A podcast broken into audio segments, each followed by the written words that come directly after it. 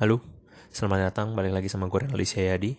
Hari ini 2 Juni 2022 uh, 2 Juni 2022 2 bulan, hampir 2 bulan setelah Eh, hampir 2 ya, hampir 2 bulan setelah episode yang terakhir, episode yang sebelumnya. Hmm, Ya yeah. uh, Udah 2 bulan. Kalau ditanya gue kalau nanya gue ngapain ya kerja aja. Um, sebenarnya nggak sehektik itu sih akhir-akhir ini tapi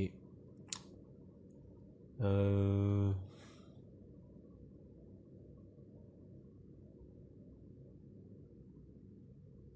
ya maksud gue akhir-akhirnya itu dua tiga minggu terakhir ya. Eh, dua tiga minggu terakhir tuh udah agak senggang sebenarnya tapi ya tetap ada kerjaan yang harus dikerjain kan. Gitu. Uh, ya udah dua bulan. Perbedaannya setelah dua bulan tuh nggak terlalu signifikan sebenarnya karena um, ada yang berubah ada yang berubah. Uh, gue perlu ngasih tau ini nggak ya? Ya udah deh cerita aja. Uh, baru minggu lalu gue yang perbedaan cukup terasa tuh um, hasil dari minggu lalu. Minggu lalu tuh ada pengumuman hmm, untuk menjadi karyawan tetap di kantor gua dan puji Tuhan sih keterima gitu. Puji Tuhan keterima. Gitu itu yang bikin uh, perubahannya signi enggak ya itu yang bikin itu yang bikin ada berubahnya gitu. selebihnya sama-sama aja. Kerjanya sama. E, masih sama gitu. Nggak tahu tahun depan ya. Nggak tahu akhir tahun ini gimana. E, kerja masih sama tanggung jawab masih sama. Tipis-tipis lah. Gitu. Perbedaan cuma status saja gitu. Dan e, sama income yang akan masuk di masa yang akan datang. Jadi lebih pasti gitu.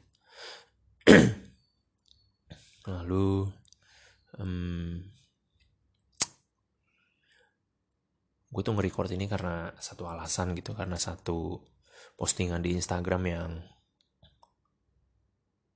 memang uh, kejadiannya ini cukup menggemparkan gitu. Jadi banyak orang yang memberitakan uh, jadi banyaklah postingan-postingan yang gue lihat beberapa hari terakhir ini tentang kejadian ini. Kejadiannya adalah anaknya Ridwan Kamil hilang di Swiss. Itu mungkin lo semua orang udah dengar hari ini.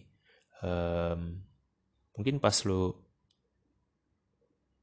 dengerin podcast gue lu udah tahu apa yang gue ceritain gitu. Lu udah uh, udah baca juga karena uh, ya cukup cukup sangat menyentuh sekali. Gini gue jelasin dulu. Yang gue tahu ya cerita dari awalnya yang gue tahu. Yang pertama um, di minggu ini gue ingat hari Senin atau hari Selasa tuh uh, ada berita anak Ridwan Kamil hilang di sungai di Swiss gitu. Setelah itu berita pertamanya gitu. Terus uh, beberapa jam kemudian tuh mulai uh, mulai muncul background backgroundnya background kenapa tiba-tiba ada di Swiss gitu. Uh, background cerita uh, Ridwan Kamil yang tadinya ada di London karena ada dinas kerja terus langsung berangkat ke Swiss gitu. Itu jadi headline pertamanya um, ngomong-ngomong. Ini gue tagnya jam hampir jam 9 malam ya. Jam 20.40 hari Kamis gitu. Ini gue udah pulang kantor. Tapi gue mau lanjut kerja lagi tapi nanti setelah bikin setelah nge-record ini. Headline pertamanya itu anaknya Ridwan Kamil gubernur Jawa Barat uh, hilang di Sungai Are. Sungai gue gak tau bacanya R R atau apa pun. Pokoknya sungai itu lalu pasti tahu ceritanya lu pasti tahu juga namanya. Um, danau kali ya danau atau sungai perairan lah pokoknya ya sebut aja sungai lah ya. sebut aja sungai. Uh, beberapa jam kemudian tuh mulai timbul eh mulai muncul berita-beritanya yang lebih spesifik kayak kenapa anaknya Ridwan Kamil bisa ada di Swiss? Jalan-jalan kah atau apa? Nama anaknya Eril ya um, muncul berita kalau anaknya sekolah di sana lagi lagi ngambil S2 di Swiss gitu. Jadi makanya ya ya wajar aja dia hidup di sana dia bisa uh, jalan-jalan aja dong. Memang setahu gue juga kalau di luar negeri itu hmm, orang tuh banyak piknik-piknik di sungai gitu loh banyak liburannya di sungai gitu. Karena sungainya bersih sungainya bagus gitu sungainya bening. Jadi ya lu bisa bebas uh, berenang juga di sono gitu sebenarnya. Tapi setelah uh, baca lebih lanjut gue tuh nemu suatu berita yang menyatakan bahwa anaknya ini memang punya certified uh, untuk lu berenang di alam bebas gitu loh. Awalnya gue nggak tahu kan. Awalnya ya lu berenang di sungai berenang aja gitu. Ya ternyata kalau di luar tuh perlu sertifikasinya gitu lu punya lu perlu uh, badan yang menyatakan kalau lu bisa untuk um, berenang di alam bebas gitu. Ya si Eril ini anak Ridwan Kamil ini juga berarti udah bisa dong karena dia udah punya sertifikasinya gitu. Ya harusnya mana-mana aja gitu. Maksudnya eh, nggak uh, ada kesalahan yang dibuat oleh anaknya Ridwan Kamil gitu terus mulai muncul berita uh, Ridwan Kamil yang tadinya lagi dinas dapat kabar itu di tengah-tengah lagi seminar dia cuma bilang diceritain soal keluarganya dia keluarganya tuh one one of my super system um, keluarga itu tempat dia berpulang tempat yang lepas semua lelahnya. Ridwan Kamil ngomong kayak gitu. Hmm, yang mana sangat tercerminkan di image-nya dia ya mana image-nya kan uh, kebapaan banget karena dia selalu bercanda sama istrinya gitu. Ridwan Kamil selalu bercanda. Uh, dia tuh direbutin cewek-cewek gitu tapi enggak enggak enggak. Gue tetap cinta sama lo dia selalu bercanda kayak gitu di Instagramnya dari dulu kayak gitu. Karena sebagian besar orang menganggap Ridwan Kamil tuh ganteng gitu. Ya memang betul betul. Karena wajahnya terlihat muda muda sekali muda um, baby face gitu loh. Nggak nggak nggak nggak setua umurnya gitu. Umurnya umurnya hampir 40 kalau gak salah atau mungkin udah 40 mungkin gitu. Tapi wajahnya masih terlihat uh, early early 30 gitu gitu. Um, terus ya pokoknya Ridwan Kamil cocok dengan image itu gitu image kebapaannya gitu dia juga sering cerita soal keluarganya gitu. Dia baru punya anak lagi kan uh, beberapa tahun terakhir. Baru punya anak lagi yang kecil gitu. Senang banget punya anak lagi bla bla bla bla bla bla gitu. Uh, which is good which is good gitu. nah. Lalu um, berita yang selanjutnya gue udah cerita uh, beritanya tuh mandek gitu. Uh, di situ yang informatif gitu ya yang lainnya cuman um, hari ketiga hari hari ketiga pencarian belum ada hasil. Hari ketiga hari keempat pencarian pakai drone dan lain-lain. Gitu. Terus ada satu berita gue kurang jelas tapi di sana terlihat fotonya Ridwan Kamil tuh dipeluk sama uh, orang asing ya. Mungkin warga lokal di sana gitu. Mungkin warga lokal di sana.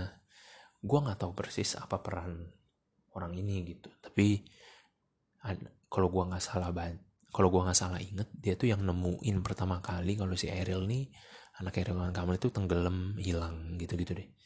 Gue nggak jelas pokoknya siapa tapi uh, orang ini cukup memberikan empati kepada Ridwan Kamil gitu. Dia sampai meluk uh, elus-elus pundaknya gitu. Tapi kita nggak tahu dia ngomong apa gitu.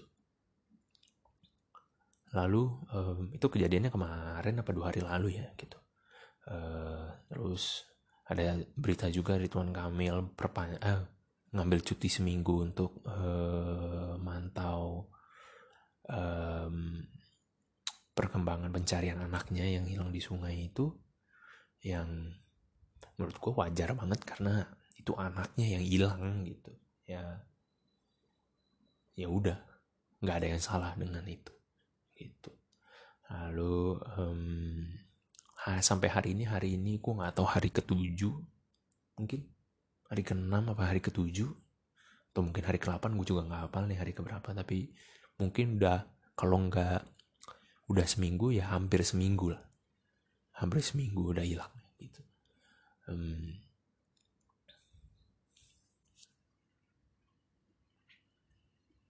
uh, uh, um,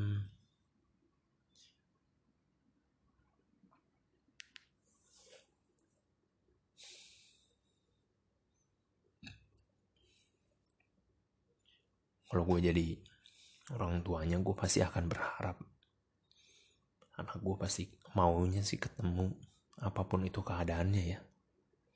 Gitu. Seperti korban jatuhnya pesawat yang biasanya uh, keluarga korban itu selalu track yang penting ada badannya yang penting ada badannya gitu. Karena saya mau lihat untuk yang terakhir kali keluarga saya. Itu. Um,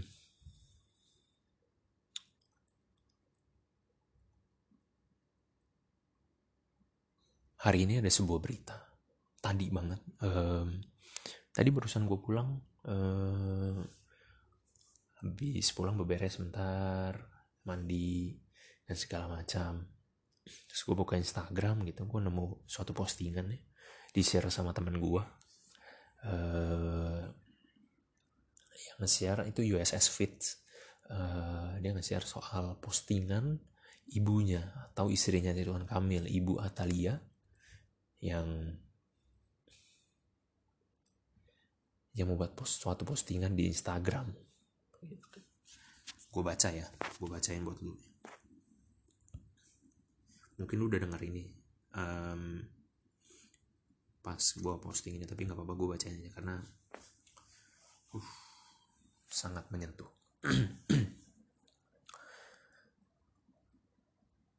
Ada di posting uh, eh, 4 jam yang lalu berarti mungkin sekitar 8 sekitar jam 4 atau jam 5 sore tadi diposting oleh Ibu Atalia. Foto uh, postingannya di Instagram ada tiga orang ya. Uh, Ibu Atalia, Ridwan Kamil dan anaknya. Mungkin adiknya ya adiknya Eril. Itu lagi menatap ke arah sungai di kayak anjungan gitu. Anjungan kecil. Uh, sorry bukan anjungan. Apa ya namanya? Ya mungkin anjungan.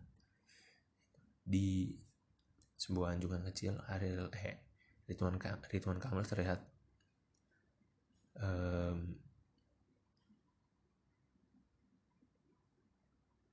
sorry sebelum ke sini eh enggak deh. Eh gimana ya ceritanya ya? Gue mau ceritain dari mana ya? Um,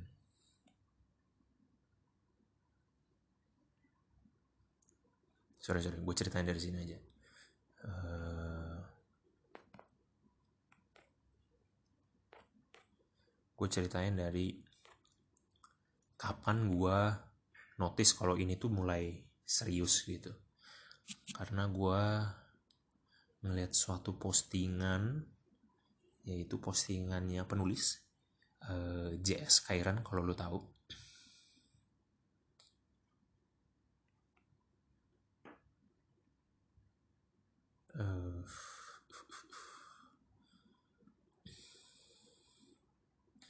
C.S. Kairan kalau lo tahu. Dia seorang penulis. Um, gue ada beberapa bukunya. Uh, bukan buku fisik buku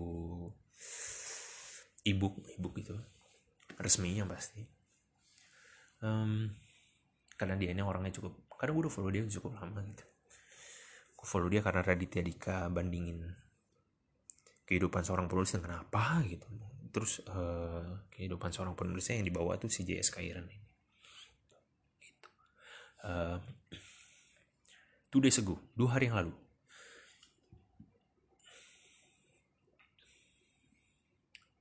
Dua hari yang lalu, dia ngeposting uh, foto yang tadi gue ceritain. Itu di mana ada satu orang asing yang meluk Ridwan Kamil ngelus-ngelus tangannya uh, memberikan empati memberikan semangat ke Ridwan Kamil gitu Ridwan Kamil terlihat pakai jas uh, warna coklat terang celana juga dengan warna yang sama dan sepatu putih. Di fotonya terlihat uh, dia terlihat sedih. Ridwan Kamil terlihat sedih ya. Isi postingannya gini.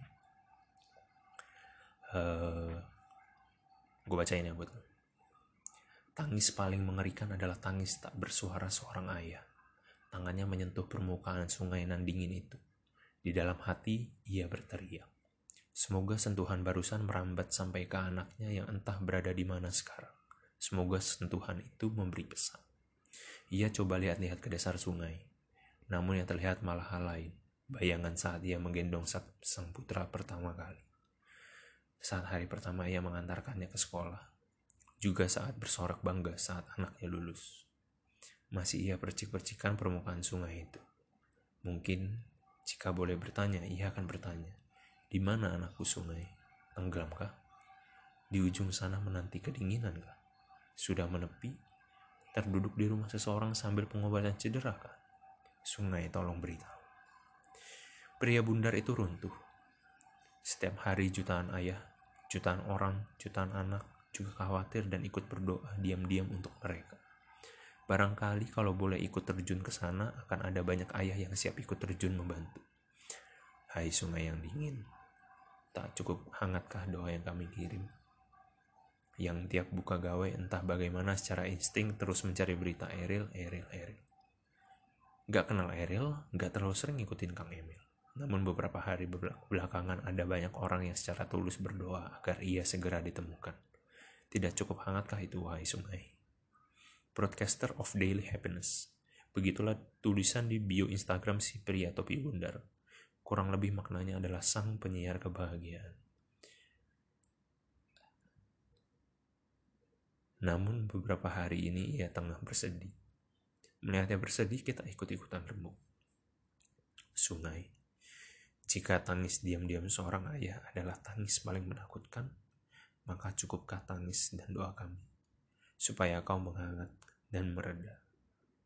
Tolong beritahu ia di mana. Salam, J.S. Kairan seorang ayah.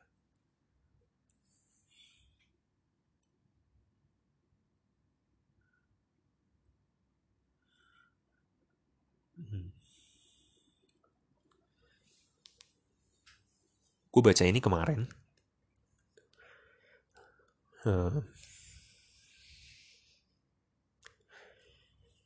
di situ gue baru sadar gitu kalau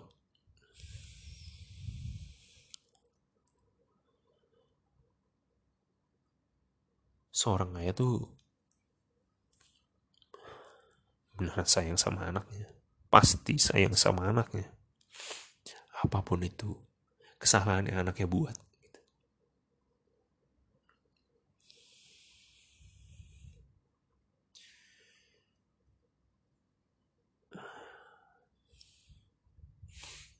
mungkin lu yang denger gue belum punya anak tapi coba bayangin lu punya anak. Atau mungkin lu udah punya anak. Kalau belum coba bayangin lu punya anak. Pertama kali dia lahir lu lihat mukanya dia pasti lu pasti seneng banget.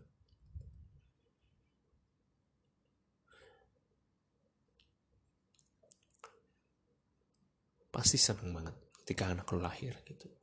Ketika anak lu lahir ibunya selamat ibunya sehat anaknya juga sehat. Itu beberapa hari kemudian lo ajak dia pulang. Waktu jalan ke mobil mungkin lo yang gendong. Lo merasa hebat kalau lo bisa ngegendong dia gitu. Beberapa tahun kemudian dia mulai uh,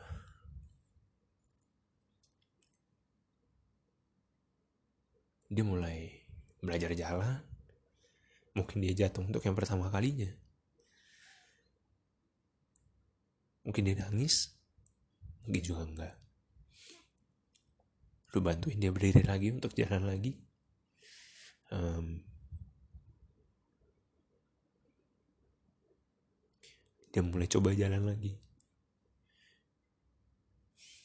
Setiap hari berlatih untuk berjalan yang awalnya lu pegang jalannya lu lepas dikit-dikit anak lu udah mulai bisa seimbang untuk berjalan gitu. Lepas dikit-dikit lepas dikit-dikit lu mulai kasih jalan yang panjang gitu.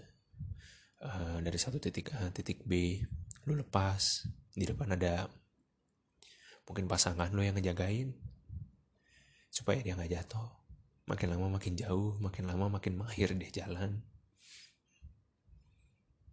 Sampai suatu saat dia udah mulai bisa jalan dengan normal bisa jalan dengan dengan baik. Nggak lama dari situ dia mungkin um,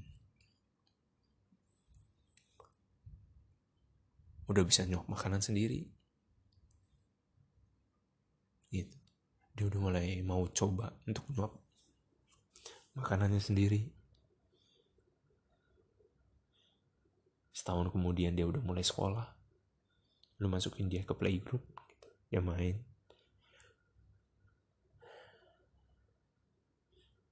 Lu nganterin dia ke sekolah. Mungkin anak lu takut. Tapi lu sebagai orang tua pasti bantu untuk nguatin.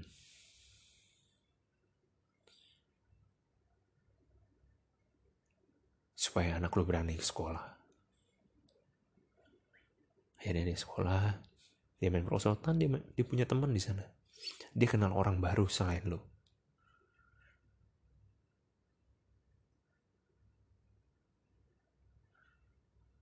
Tahun-tahun selanjutnya di sekolah masuk TK masuk SD masuk SMP mungkin dia mungkin anak lu melakukan kesalahan besar untuk pertama kali ya. Mungkin lu dia melakukan suatu kesalahan di sekolah lu dipanggil. Mungkin lu marah saat itu tapi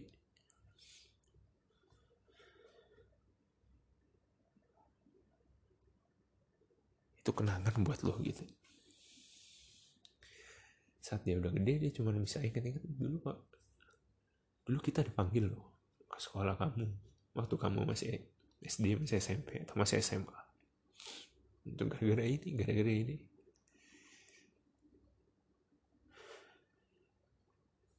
Itu akan jadi memori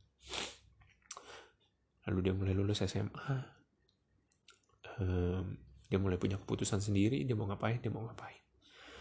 Mungkin lu menentang mungkin lu memberi itu. Lalu dia ngambil suatu keputusan. Lalu dia kuliah sesuai jalan yang dia mau sesuai keputusan yang dia ambil. Dia lulus. Lu bangga kalau dan lu bangga dengan anak lu yang udah lulus sarjana. Menjadi sarjana.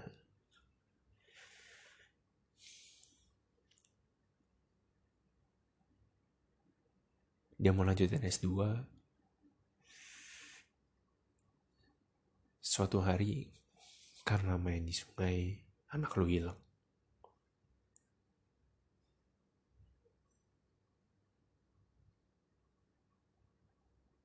Terbawa arus.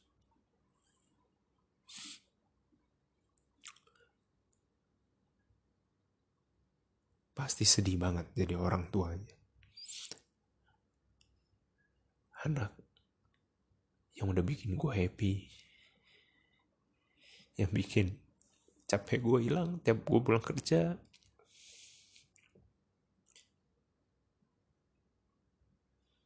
lu nggak bisa ketemu dia lagi gitu.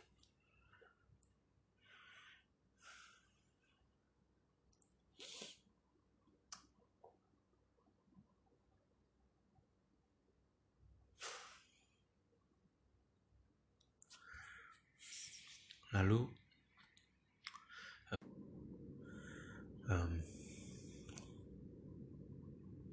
gue bisa ngebayangin betapa sayang orang tuanya sama anaknya.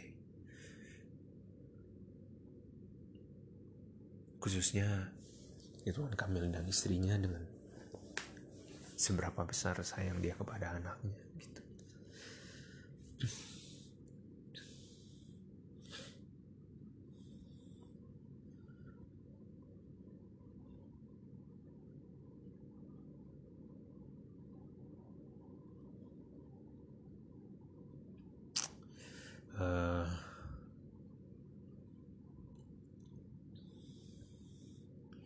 terus tadi gue balik lagi ke cerita yang tadi. Tadi gue ngeliat postingannya uh, ibu Atalia istrinya Ridwan Kamil. Bio Instagramnya pun udah berubah. Mohon keikhlasannya untuk terus mendoakan Aeril. Fotonya pun berubah. Mungkin berubah gue nggak tahu sebelumnya apa. Tapi fotonya uh, dia lagi cium anaknya. Si Eril sebagai yang sebagaimana yang tadi gue gambarkan uh, postingannya ibu Atalia uh, di mana mereka bertiga Ridwan Kamil istri dan adiknya anaknya yang paling kecil itu lagi di pinggir sungai har yang besar itu yang bening di ujung ada pepohonan.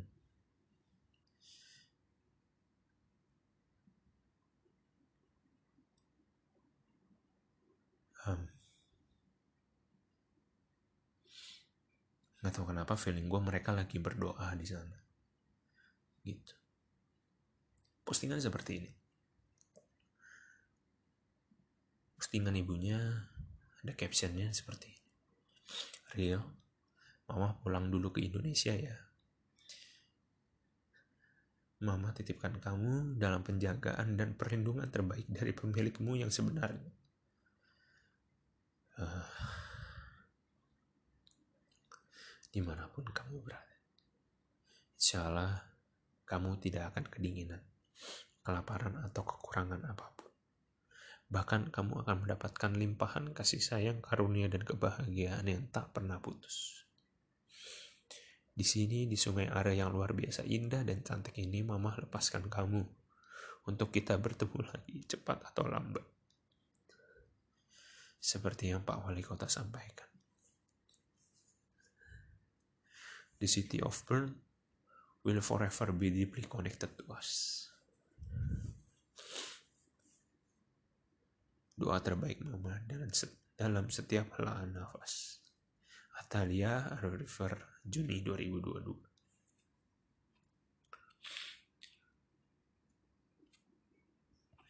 sifat yang sama sifat yang sama ditunjukin ibunya juga.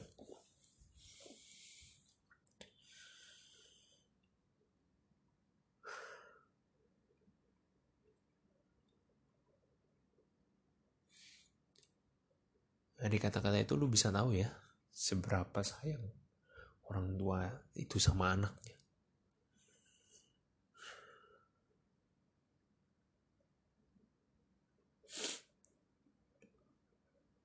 Gue gak bisa bayangin orang yang paling gue sayang tuh hilang tanpa jejak entah ke mana. Gak bisa gue bayangin kayak gitu. Terlalu sakit untuk untuk ngebayanginnya aja untuk terlalu sakit nggak kebayang.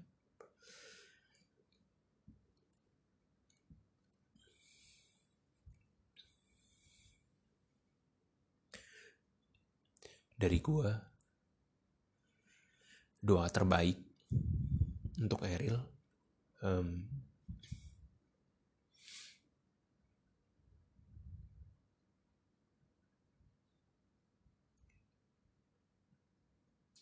semoga ada orang yang gak menyerah untuk terus cari Eril.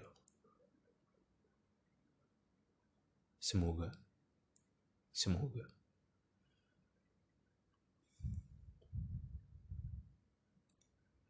Buat lu semua, um, seberat apa pun hidup lu, kalau lu masih bisa pulang ke rumah ketemu keluarga lu,